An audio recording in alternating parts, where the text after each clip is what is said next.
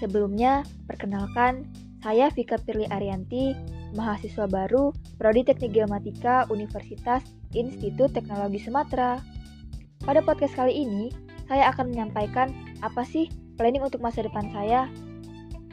Bagi saya, membuat planning di masa depan sangat membantu dalam proses menuju keberhasilan kita.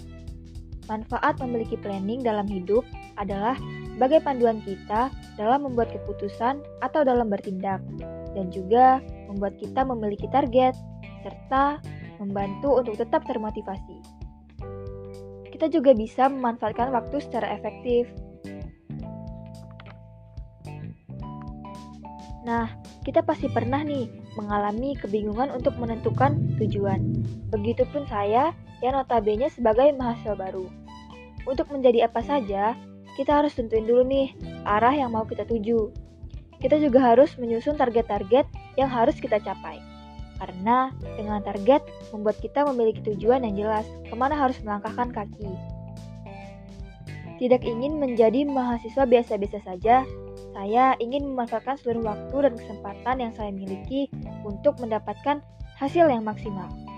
Oleh karena itu, saya ingin memulai untuk menyusun rencana agar target yang saya rencanakan bisa tercapai. Di antaranya, saya memiliki target agar bisa lulus dengan tepat waktu dengan nilai yang memuaskan. Oleh karena itu, saya harus bisa memanfaatkan waktu dengan seefektif mungkin.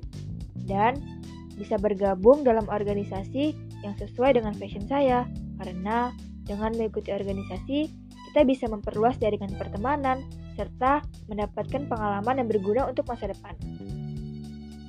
Setelah itu, saya akan berusaha bisa menyisihkan uang untuk menabung supaya dapat dimanfaatkan jika ada keperluan mendesak tanpa harus meminta kepada orang tua.